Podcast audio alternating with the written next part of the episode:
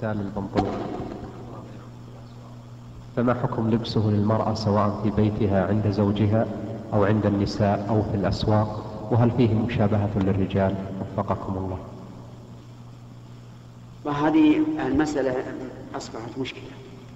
أنا أرى أنها تمنع من لبس البنطلون مطلقا حتى عند زوجها.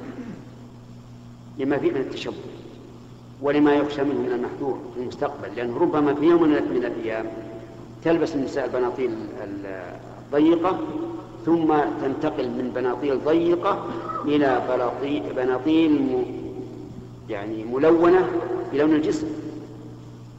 فإذا كان ضيقة ولونه للجسم أصبحت المرأة كأنها كأنها عالقة.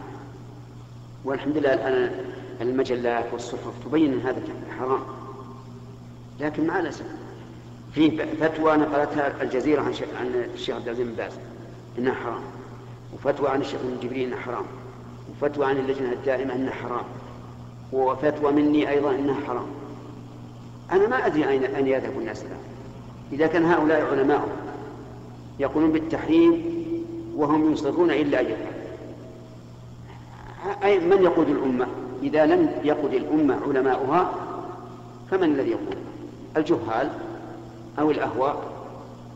أو هؤلاء الذين يريدونها علينا ليفسدوا علينا أخلاقنا كما أفسدوا على كثير من الأمم. أنا لا أدري. الواجب على طلبة العلم أن أن يشنوا حملة على مثل هذه الألبسة.